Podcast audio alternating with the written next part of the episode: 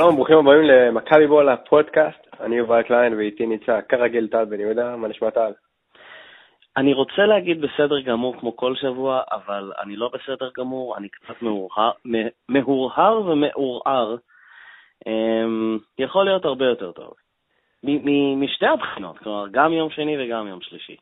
נכון, אבל המעמד מחייב הפעם, ואנחנו נתחיל עם הכדורסל, אחר כך אנחנו נעבור, נדבר על המשחק שהיה בקריית שמונה.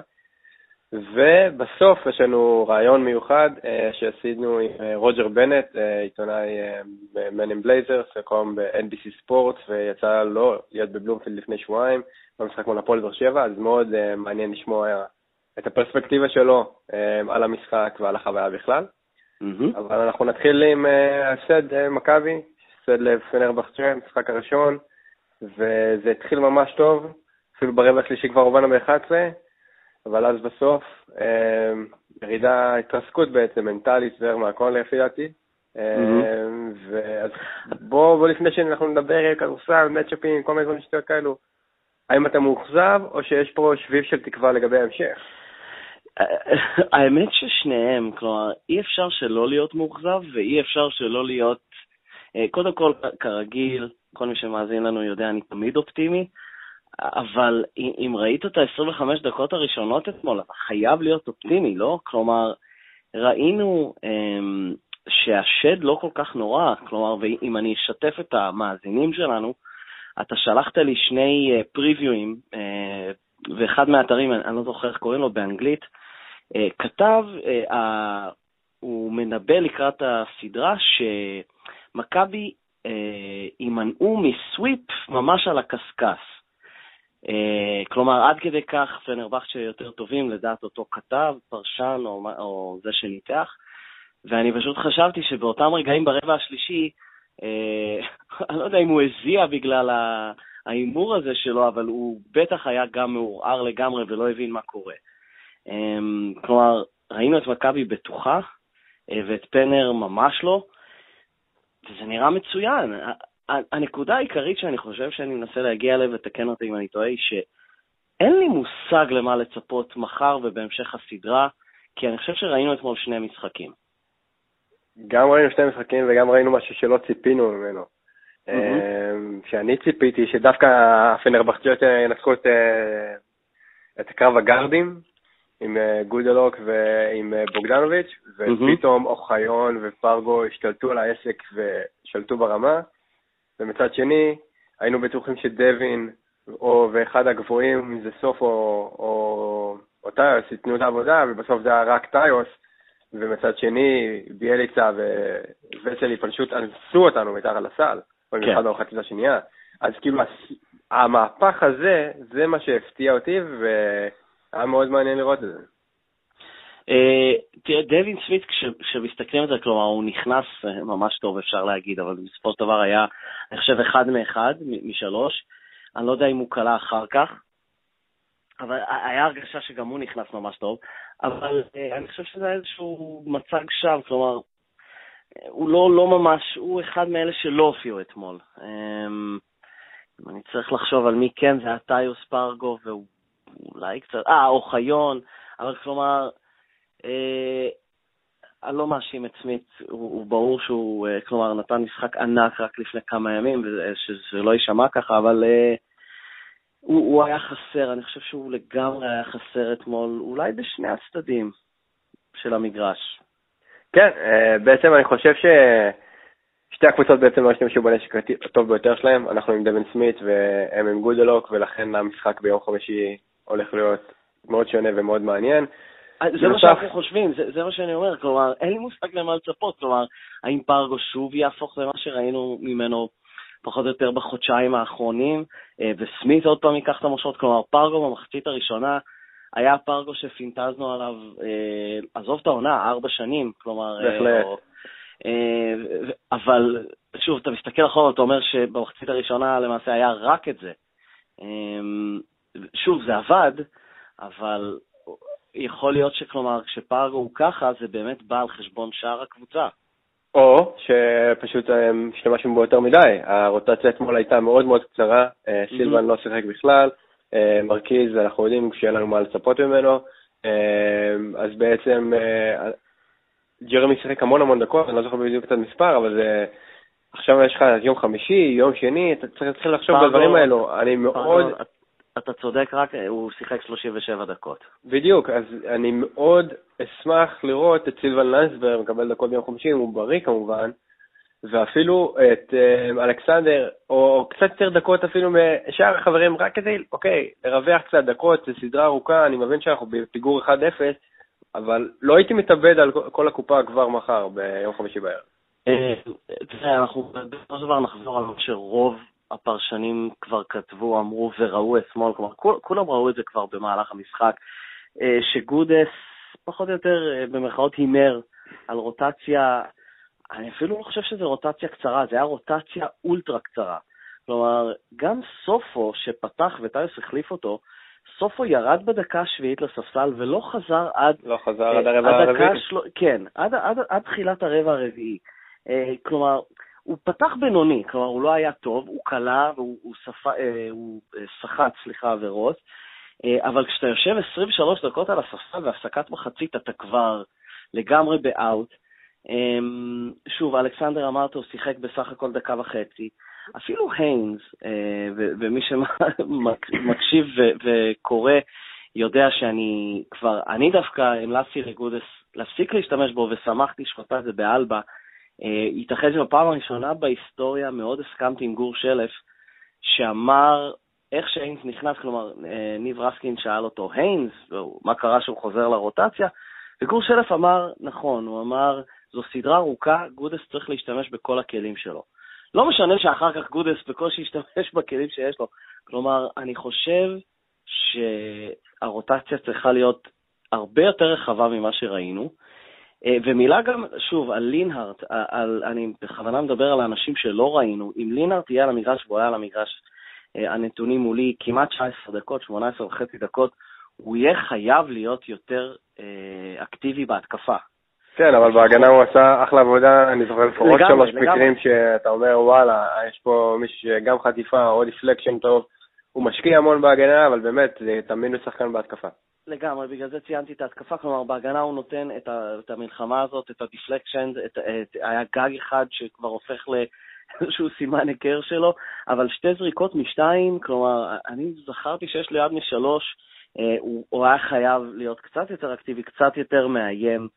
אה, נראה, מחר, באמת, ששוב, ואני רק אגיד משפט שחבר שלי אמר היום בצדק, אה, הוא אמר, אני לא יודע עוד כמה משחקים יוגב יהיה שלוש משלוש. זה לא יאומן כן. שלא ניצלנו, שלוש משלוש, סליחה, מהשלוש, אה, ולא יאומן שלא ניצלנו את זה.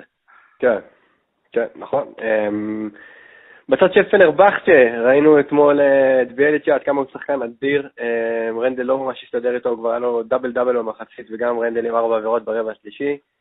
ובנוסף ראינו את אה, יאן וסלי, שהוא סיפור מאוד מעניין, שחקן שנופל בעצם אה, בין הכיסאות, בין ה-NBA ליורוליג, שחקן שלא מתאים ל-NBA, שלא מוצא את המקום שלו, אבל ביורוליג הוא פשוט בלתי ניתן לעצירה, סוג של אה, דיון בודירוגה, הגרסה, המוטציה, כי פשוט הוא הרג אותנו ברבע הרביעי, ואני לא חושב שיש לנו פתרון לזה מבחינת הפיזיות האתלטית שלו, איכשהו אנחנו נצטרך למצוא פתרונות אחרים לגרום לו. לא לקבל את הכדור. אז בוא אני אחלוק עליך. Uh, אני לא עוקב, uh, אני מכיר את הקריירה שלה, כלומר, כולנו זוכרים אותו מפרטיזן, ואני חושב ששוב, כאוהדי מכבי שאכלו ממנו קש באותה סדרה מפרטיזן, אני חושב שכולנו ציפינו לראות אותו מככב ב-NBA. אה, לא, לא יודע אם מככב, אבל בטח שלא השלוש שנים האלה שהוא היה שם על הספסל ולחזור. כן, כספי עשה קריירה יותר מרשימה ממנו, ולעומת הנתונים, אתה רואה מי ופה ומה פה. בהחלט, אבל אה, אם אני, אני צייצתי את זה אתמול, אה, אתה בטח יודע מי זה מייק וילבורן, עיתונאי אמריקאי, ואחד הדברים שהוא היה תמיד אומר ב-PTI, שזה הגרסה המקורית של יציא העיתונות, הוא היה אומר בהומור אה, הרציני שלו, הוא אמר, הדרך לעצור את תום בריידי ופייטון מנינג, שהם שניים מהקווטרבקים הטובים בדורם, חלק יגידו הטובים בהיסטוריה של משחק הפוטבול, הוא היה אומר to punch them in the mouth. כלומר, במטאפורה תן להם מכה חזק בפנים, לערער אותם, כבר בתחילת המשחק. ככה צריך לעצור אותם. לטעמי, זה הדרך שמכבי, זו הדרך שמכבי צריכה לעצור את וסלי כבר מחר. ואם אני אחפש תקדים, אני אחזיר את כולנו, שוב, יש פערי רמות עצומים בינם, אבל אני אחזיר את כולנו לגמר גביע, ועל הדרך שעצרנו את ירושלים ובעיקר את אליהו. כל פעם שאליהו רצה לחדור לצבע, כל פעם שהוא התקרב, מכבי העיפה אותו קיבינימט. מרפקים, מכות, זה מה שמכבי צריכה לעשות איתו מחר. אני מסתכל על וסלי, ואני רואה שחקן שמתלהב ומטביע, אבל אני גם רואה קיסם. אה, ואני חושב שאם הוא יקבל כמה מכות, ואם מכבי יעבירו לו שאתה לא נכנס יותר לסל, אה, אני חושב שזה ירתיע אותו. זה מה שאני חושב. יכול להיות שאני טועה לגמרי, ככה אני חושב שצריכים לעצור אותו, וצריך להעביר לו שכל ההתלהבות שלו, לא יודע, זה היה נדמה לי כמו ליגה, ליגה, ליגה ג' ההתלהבות שלו עם הקהל, אני פחות אהבתי את זה אחרי כל דנק שלו, ככה צריך לעצור אותו. בכל זאת כדורסל אירופאי, אתה יודע, יש לך את המסורת אחרי כדורסל אירופאי אה, לעשות פוק יש כאילו זה גול, אתה יודע, זה לא NBA. כל הטבעה, כל הטבעה, כל הטבעה, אפילו בנוקיה, אני לא רוצה נו, בודירוגה אמרתי לך, בודירוגה מרים את האגרוף ככה היה אחרי כל שלושה. תדעו מה זה אני אומר לך, זה דיון בדירוג המוטציה החדשה. אה, אוקיי, אני מקווה שגודס אה, יאזין לפודקאסט הזה ויעשה את מה שאני אומר לו. אני חושב שזו טקטיקה לא רעה בכלל. כלומר, להרביץ אתה מתנדב גם אה, לטוס ולהיות הבן אדם הזה שנותן לו את האגרוף? אני לא הולך לעשות פה פואד לאף אחד. אני חושב שיש טובים וחזקים ממני דוגמת אה, דווין סמית, דוגמת סופו, דוגמת טיוס, אה, שיעשו את זה לגמרי, אלכסנדר, פני היה קלאסי למשימה הזאת, חבל שהוא לא יכול לעשות את זה, אבל לא תהיה ברירה, כלומר, אלא אם כן אנחנו רוצים להמשיך לספוג dunk אחרי dunk ממנו. טוב, בואו נעבור לקריסה, אמצע רבע שלישי, זה קשור גם ביציאה של דווין סמית ובסוג פציעה שלו. מכבי לוקחת שתי שלושות אחרי זה ממש מכוח בכוח, זה לא עובד. גודס לא לוקח גם timeout בכל התקופה הזאת שפנר אה, רצה, וזה הרגיש לי דז'ה וו גדול, גם למשחק באתונה וגם בעצם לכל העונה הזאת. אנחנו מובילים בשמונה, אנחנו לא מצליחים להפוך את זה ל-15, לגמור את הסיפור. קבוצה, תמיד היריבה חוזרת, רבע רביעי, אני אומר, כל השנה אנחנו רואים את זה בעצם. רבע רביעי אנחנו מותחים על הפנים את הרבע הרביעי, במיוחד בצד התקפי, למזלנו גם הם, אבל uh, בסוף לא היה לנו את האוויר הזה לניצחון. לגמרי, היה נדמה, שוב, כולם ראו את זה אה, והמון כתבו את זה, היה נדמה שגודס פשוט, לא יודע מה, השתתק, שותק, קפא, אמ, הוא פשוט לא הגיב, ואני באמת חשוב לי להדגיש ולציין שכולנו מדברים בחוכמה בדיעבד, ואולי אם שלושה הייתה נכנסת פה ושם, זה היה יותר צמוד בסוף, אבל אה, זה מה שיש לנו, ואנחנו יכולים באמת להסתכל אחורה על הריצה הזאת של הטורקים.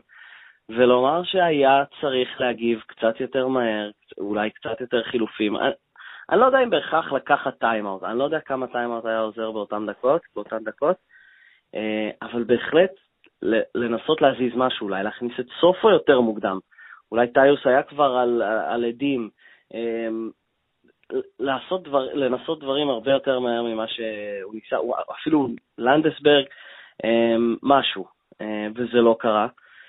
אה, אני, אני חשבתי על נקודה אחרת, אה, אנחנו ראינו את מכבי מנצחים אה, משחקים ב-20 הפרש, ואנחנו מכירים את הסברה הזאת של המכבי תל אביב הרבה יותר, הרבה יותר נוח ביורו-ליג לשחק כאנדרדוג.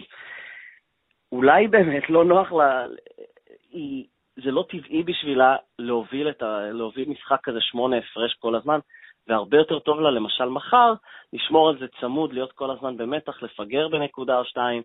אמ, אני לא יודע, פשוט היה נראה ש... כמו שאתה אומר, זה הזכיר את פנתנייקוס, לי זה הזכיר את הכוכב. יהיה חמישייה אמריקאית שיראו את הנשיא, את הרמטכ"ל, יקבלו ציונות בחדר הלבשון ושמעון. זה משחק שאין סיכוי שאנחנו מפסידים, אני יכול לחתום לך כבר עכשיו, אם אנחנו מגיעים למשחק 4, בנקר, ניצחון צהוב. זו השאלה, אם אנחנו מגיעים למשחק 4. אז... זו השאלה. אם יהיה, אז ככה יודע שיהיה גם משחק 5. אה, זה הסיפור פה. כלומר, עשיתי איזשהו משחק קטן, כלומר, לא, לא אובר-אנדרים, אלא פשוט שאלה של מה אתה חושב שנראה מבחינת. אז מבחינת משחקים שנותרו, ההימור שלך?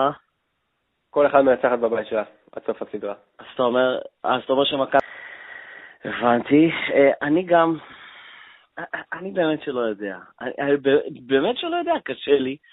אמ, אני חושב שמחר, כמו שאמרת, כמו שאמרת על אתמול, כלומר, נתנו להם, או שלשום, עד שאנשים יאזינו לזה, אמ, נתנו לפנרווח את הכי טוב שאנחנו יכולים, אבל שוב, צריך לזכור שרוב הקבוצה לא שיחקה טוב. כן. אבל כאוברול זה היה פשוט... אה, מחר. אני חושב שאנחנו נראה את המשחקים שאנחנו קצת רגילים יותר לראות ממכבי תל אביב מול קבוצות יותר חזקות ממנו, שהיא כל הזמן בפיגור הזה, הקטן הזה, אה, כשבסוף השאלה תהיה האם אנחנו מסוגלים... אה, מסוגלים לעשות את זה. נראה, אני... ארבע או חמש, לא יודע, לא יודע, הניחוש שלך טוב כמו שני, אני אלך איתך על חמש. אה, מה אתה חושב שנראה מבחינת ניהול המשחק של גודס? כלומר, לאיזה כיוון זה הולך? הוא יישאר על הרוטציה יותר מצומצמת? אולי הוא יישאר עם צורת מצומצמת, אבל אנחנו בטוח נראה יותר את לנדסברג. זה, אם הוא כשיר, אני חושב שהוא מאוד מבטיח בשבילנו, גם מבחינה התקפית, אה, פשוט יעזור בדקות האלו שפרגו לא יכול, הספסל או דווין לא פוגע. סילבן הוא מכונת נקודות בסופו של דבר בימים טובים. אני לגמרי, אני הבנתי שלא יודע, הוא לא הכניס אותו כי הוא אמר שהיה לו קצת כאבים. אני, אתה יודע, אתה קורא כל כך הרבה אתרים ושומע, אני כבר לא זוכר איפה שמעתי את זה. Uh, אני חושב שנראה רוטציה יותר רחבה, זה בטוח, כלומר, יותר מהחמישה שחקנים. Um, אבל אני חושב שנראה יותר מזה, כלומר, אני חושב שגודס אולי אפילו ילך לקיצון השני, ואפילו אם נוביל פתאום שוב פעם ב-7-8, אנחנו לא נראה אותו רץ עם חמישייה אחת לאותו מספר דקות, כולם יקבלו יותר. אמ, סתם איזשהו אנקדוטה, יש לו על הספסל את אחד ממנהלי המשחקים הטובים בהיסטוריה של הכדורסל האירופי. אה, אנחנו ראינו מגודס שהוא מאוד פתוח לקבל עזרה מאחרים, הוא בעצמו הודה בזה. אמ, לך אליו, לך על המוח ההוא, אה, הוא בנוי למעמדים האלה, הוא היה שם. אה, לא משנה שהפעם האחרונה שהוא היה שם בסדרה זה לא כל כך נגמר טוב, אבל ללכת לכיוונו. אה, מה אתה חושב שנראה מבחינת פרגו בהמשך הסדרה? מלך, מלך, הבאנו אותו לרגעים האלו. אה, קראתי נתון שהוא לא הפסיד סדרה אחת בחיים שלו, אני לא יודע אם זה נכון, אבל וואו. הוא מלך, הוא מלך, אני, אני סומך עליו. אני גם נותן לו את הכדור האחרון, אפילו אם יש לו משחק של אה, שמונה נקודות, עדיין הכדור האחרון אצלו. זה, זה לגמרי, אתה לא הולך לשום מקום אחר. אני מקווה שנראה אותו ממשיך ככה, לא נראה לי שהוא יהיה דומיננטי כמו שהוא היה אתמול בטח לא על פני 40 דקות, בטח כשאנחנו מצפים לראות למשל את סמית יותר דומיננטי, אה, את סופו לקבל ממנו עוד קצת יותר משתי נקודות, אה, יהיה מעניין. סבבה, אמ, זה היה בעצם הכדורסל, אנחנו נצטרך לעבור, אין מה לעשות, לכדורגל, אה, משחק... תראה, הם לא עבדו כל כך ביום שני, אנחנו צריכים לעבוד גם. נעשה, נעשה קצת, בוא נגיד לך okay. אוקיי. ככה, כמו שהם עשו, עשו קצת, okay. אוקיי. בוא נגיד ככה. כן. אז מכבי כן. נוסעת בפעם הרביעית לקריית שמונה, למשחק השלישי שלה, העונה שם, ועדיין לא מנצחת. הפעם הרביעית, יפה, אוקיי. אמ, זה בכלל מפריע לך שאנחנו כאילו מסיימים אה, בגרשיים עונה בלי לנצח את קריית שמונה כנראה? למרות שיש עוד משחק בקיץ, אני אגיד לך, אה, לא, זה מעצבן. הדבר הזה שכאילו אתה לא מנצח את היריבה שלך לאליפות, כי... אמ, פחות, מפריע לי שלא... אה, גם אם לא ננצח אותה בבלופילד, זה פחות יפריע אותי שלא ניצחנו אותם בכלל. עזוב שניצחנו בגביע וזה, אבל כן, שלא ניצחנו אותם בכלל בליגה אה, ארבעה משחקים. יותר מפריע לי ששלושה משחקים, כולל הגביע, לא ניצחנו בקריית שמונה. אנחנו מקבעים איזשהו... יכול להיות שזה אפילו לא מיתוס, כלומר מיתוס בהגדרה שלו איזשהו אה, סיפור בדרך כלל לא אמיתי. אה, אם אני מצליח להיזכר נכון מהתואר הראשון שלי. אמ, אנחנו מקבעים שם איזושהי אמיתה שמכבי לא מסוגלת לנצח שם, וזה מעצבן אותי, כי זה לא צריך להיות ככה, ואתה יודע, וספגנו שם שער בדקה ה-90, אני חושב שזה היה נכון. זה היה בגביע. כן, בגביע, נכון, בג... לא, אני מדבר על השלושה משחקים שם. וגם פה, כלומר, 0-0 כשהיו כמה הזדמנויות, אבל אה, אה, זה, זה, זה יותר מעצבן אותי מאשר ניקח אליפות, ואז שיוכלו להגיד, אבל לא ניצחנו את היריבות לצמרת, או את היריבה הזאת לצמרת. פחות מעניין אותי, יותר מעצבן אותי שלא, שלא ניצחנו שם. ושם, לפי הנתון הזה, כמו שהיום של אורן יסיפוביץ' בוואלה, נתון מאוד מעניין, שבעצם אה, ב-20 שנה האחרונה, סליחה, מ-1992, המגרש בקריית שמונה הוא המגרש שרואים בו הכי הרבה גולים בליגת העל, mm-hmm. וזה די מביא את הנקודה, וזה מסביר לך עד כמה זה מגרש באמת קשה לנצח בו. אה, אז שנעשה את זה שנה הבאה כנראה, אז אנחנו נוכל לשמוח פעמיים. אה, ושוב פעם אנחנו קיבלנו את אותו עדן בן בסט, אה, שמאוד מאוד רוצה, אבל שהוא עומד על השער באחד על אחד, איכשהו מצליח להחציא כדור, ואז אתה אומר, למה פריצה לא משחק, או למה יצחק לא משחק, כי אני יודע שהם היו שמים את זה, אבל מצד שני, אתה שוב פעם אומר, עדן רץ, הוא רוצה, זה פשוט לא הולך לו, מסכן. כן, אמ, אני חושב שבשני המשחקים האחרונים, פחות בקריית שמונה, אבל עדיין ראינו את זה. כלומר, ראינו הבדל עצום מהרגעים של פריצה במגרש. אה, אני לא חושב, אני באמת, אם אני צריך להמר, אני חושב שנראה את פריצה... אני, אוקיי, תן לי לארגן מחדש את המחשבות שלי. הסיבה שאני חושב שפריצה לא פותח עדיין, היא שהוא כנראה לא בכושר משחק ל-90, עזוב 90 דקות, כנראה אפילו לא ל-60 דקות. וכנ"ל אמ, יצחקי, אני מסכים. כנ"ל יצחקי, ברור. ברגע שפריצה יהיה מוכן ל-60 דקות, אני חושב שפאקו יפתח איתו.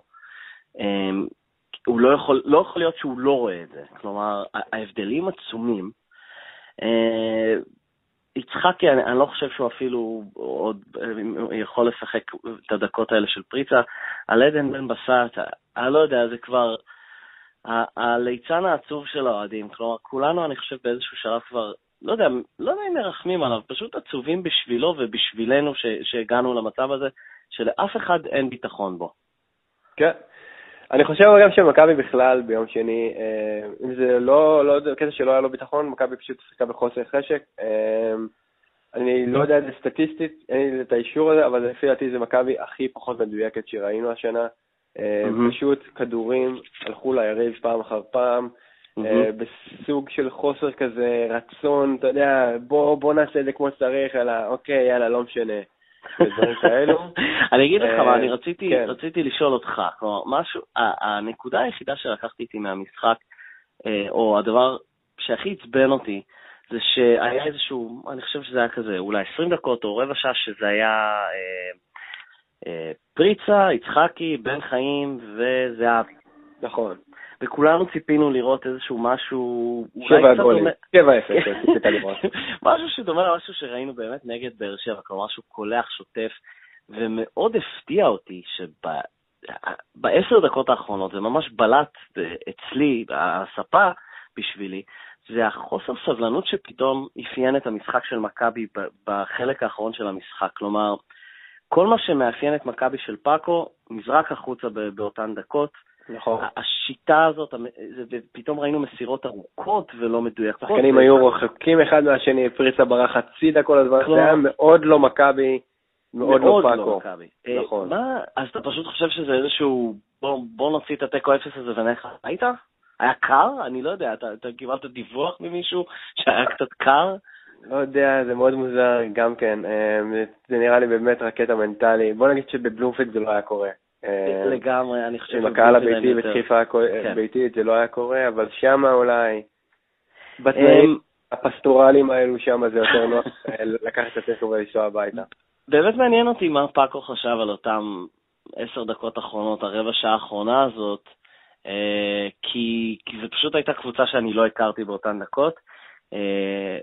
וחבל, כי, כי שוב, כי קריית שמונה לא היו עד כדי כך הם לא היו עדיפים, זה בטוח, הם לא היו רעים, הם קצת הפתיעו, הפתיעו אותי, אה, אבל בסדר.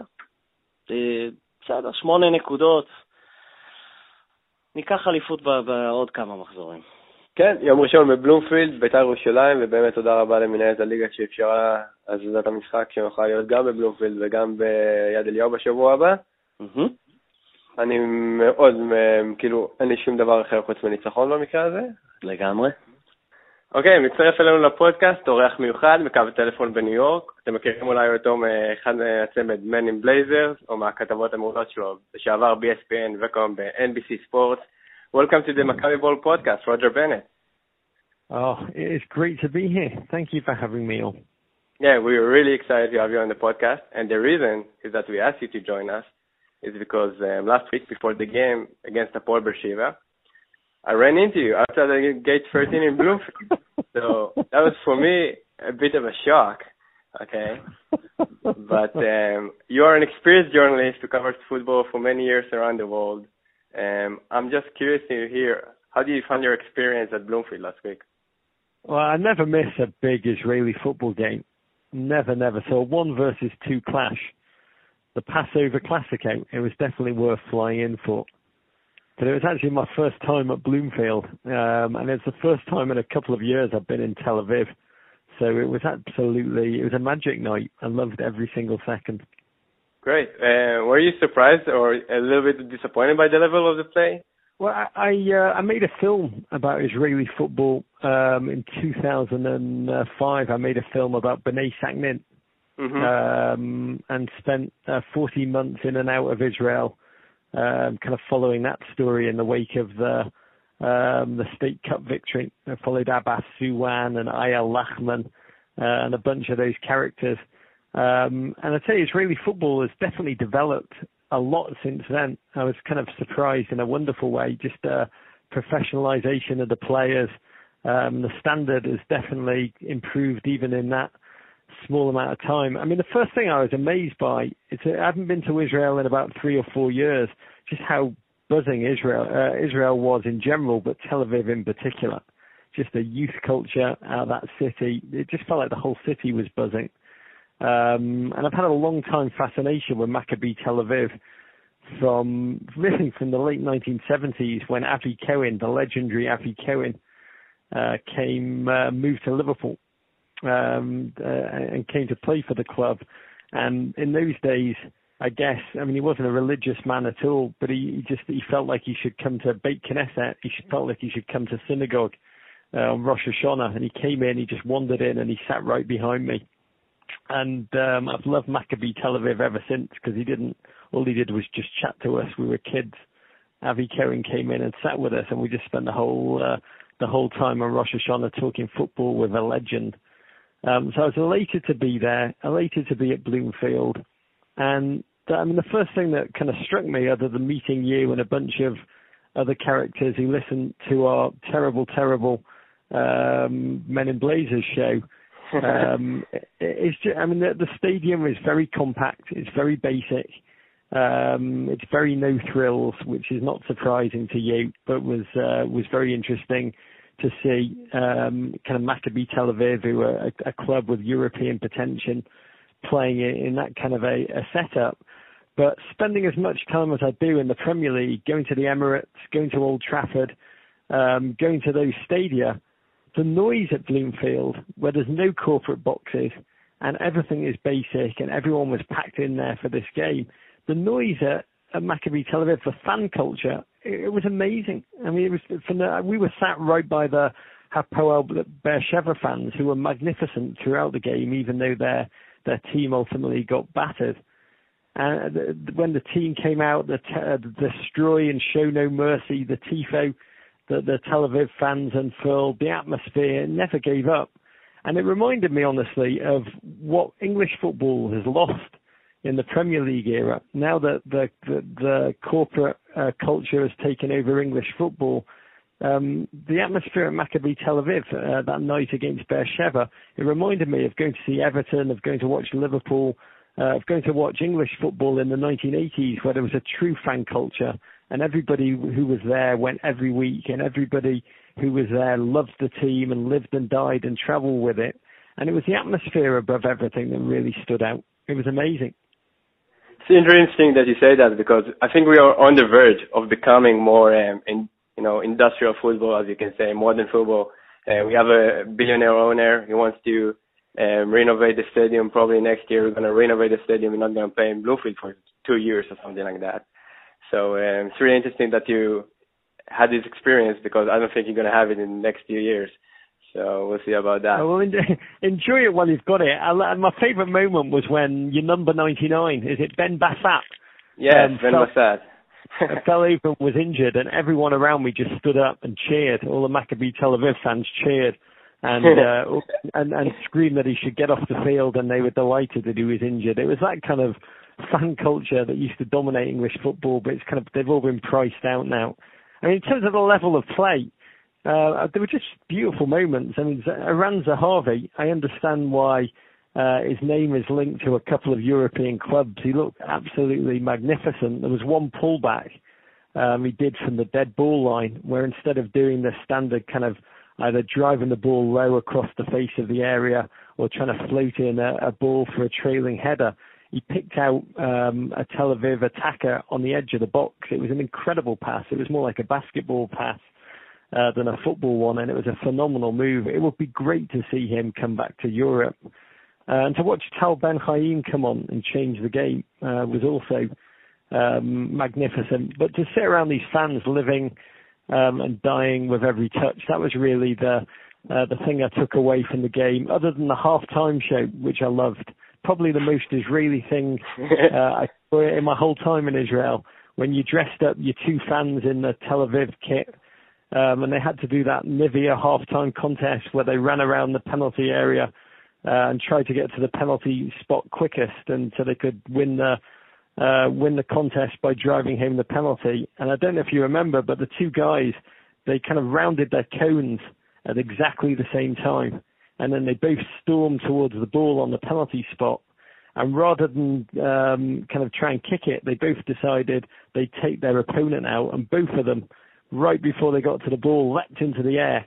And I mean, it was, an, it was a kind of tackle Joey Barton or Karl Henry on a routine basis in the Premier League. They both absolutely wiped each other out.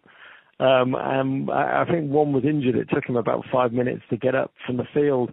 And I just loved that two guys would take each other out and absolutely decapitate each other, all just to get one bottle of Nivea sun cream. I love it. It's a Israeli thing I saw the whole time I was there. Yeah, yeah, that was really cool to see. Uh, so should we be worried about um, you giving a phone call to Roberto Martinez about Eran Zehavi?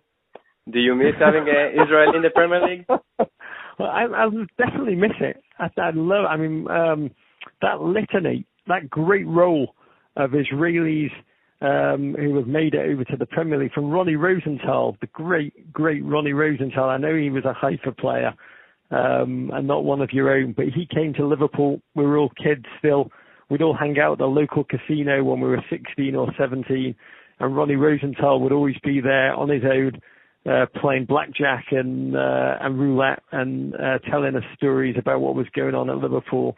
Um, but all the great Israelis, it's a very interesting tension you've got because in American football here, American soccer, Jurgen Klinsmann is all American soccer as yeah. they call it. Jurgen Klinsmann is always encouraging um, America's best players to leave America to try and play in the highest level they can, develop their game, develop their skills, develop their tactical ability. I mean, it's interesting watching the Israeli national team, um, who perpetually uh, flirt with qualifying for tournaments only to fail, and fall away right at the end, which breaks my heart. I'm sure it breaks yours you look at a player like Eran Zahavi, I wonder how you feel. Would you, I mean, I know you want him. I know, I mean, nine out of ten jerseys I saw at the Tel Aviv game uh, were his number on the back. Um, but to some degree, for the Israeli game to develop, does part of you kind of want these players to go to the English Premier League and develop, or do you want to hold them near and dear and never let them leave Bloomfield? No, we want them to live to really be at the top of quality, but we're afraid them are just going to be um, sitting on the bench all the time. You know, we had this experience many times with Israeli players.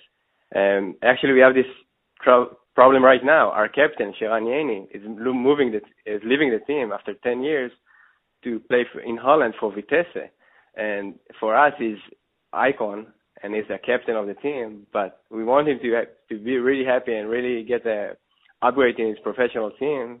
But if he's going to sit on the bench all the time, he's just going to be useless, you know.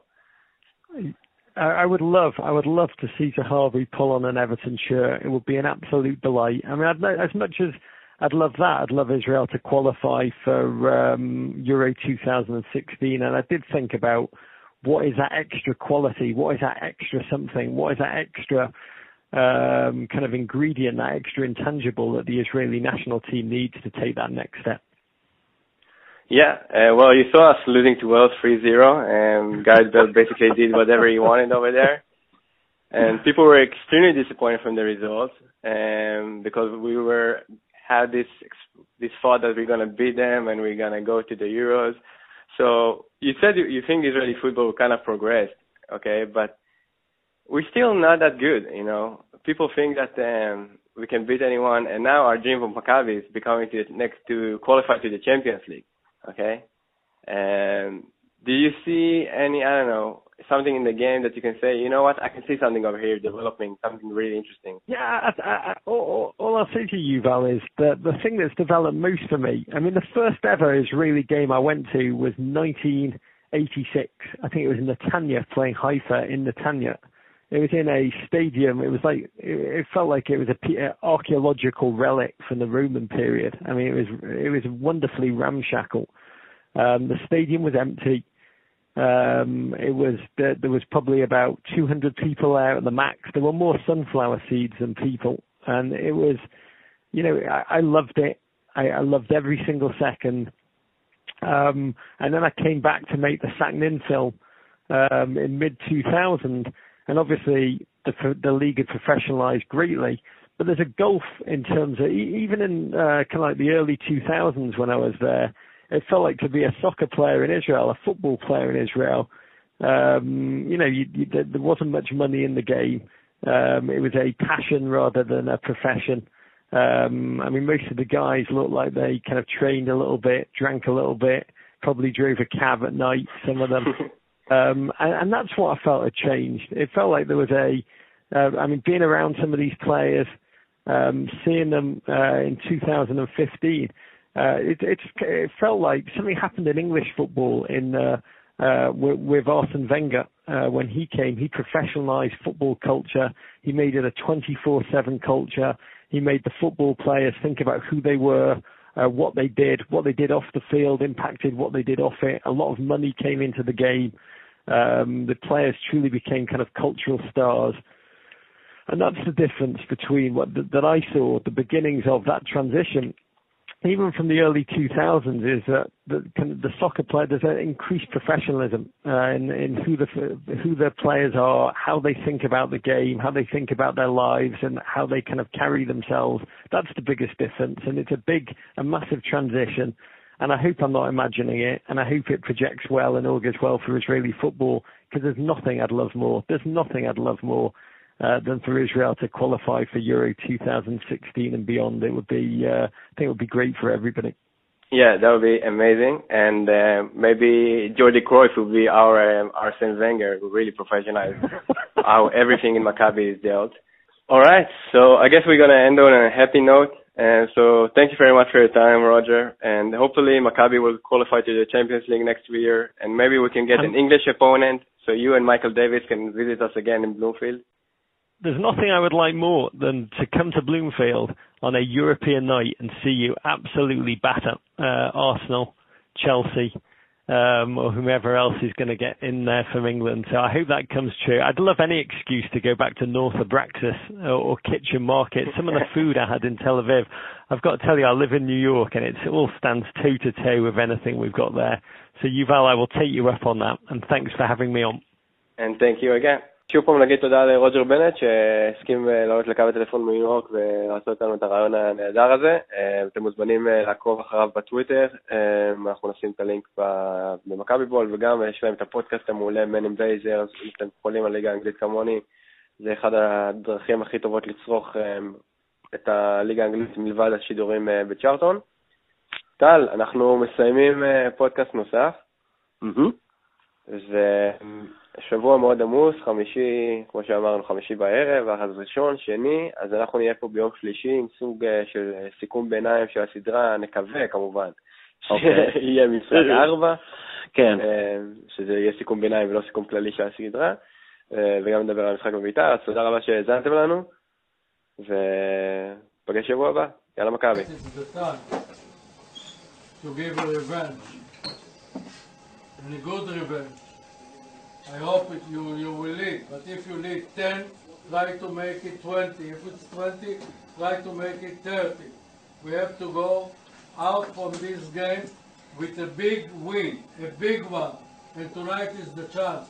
So talk, think about your dignity, about your honor.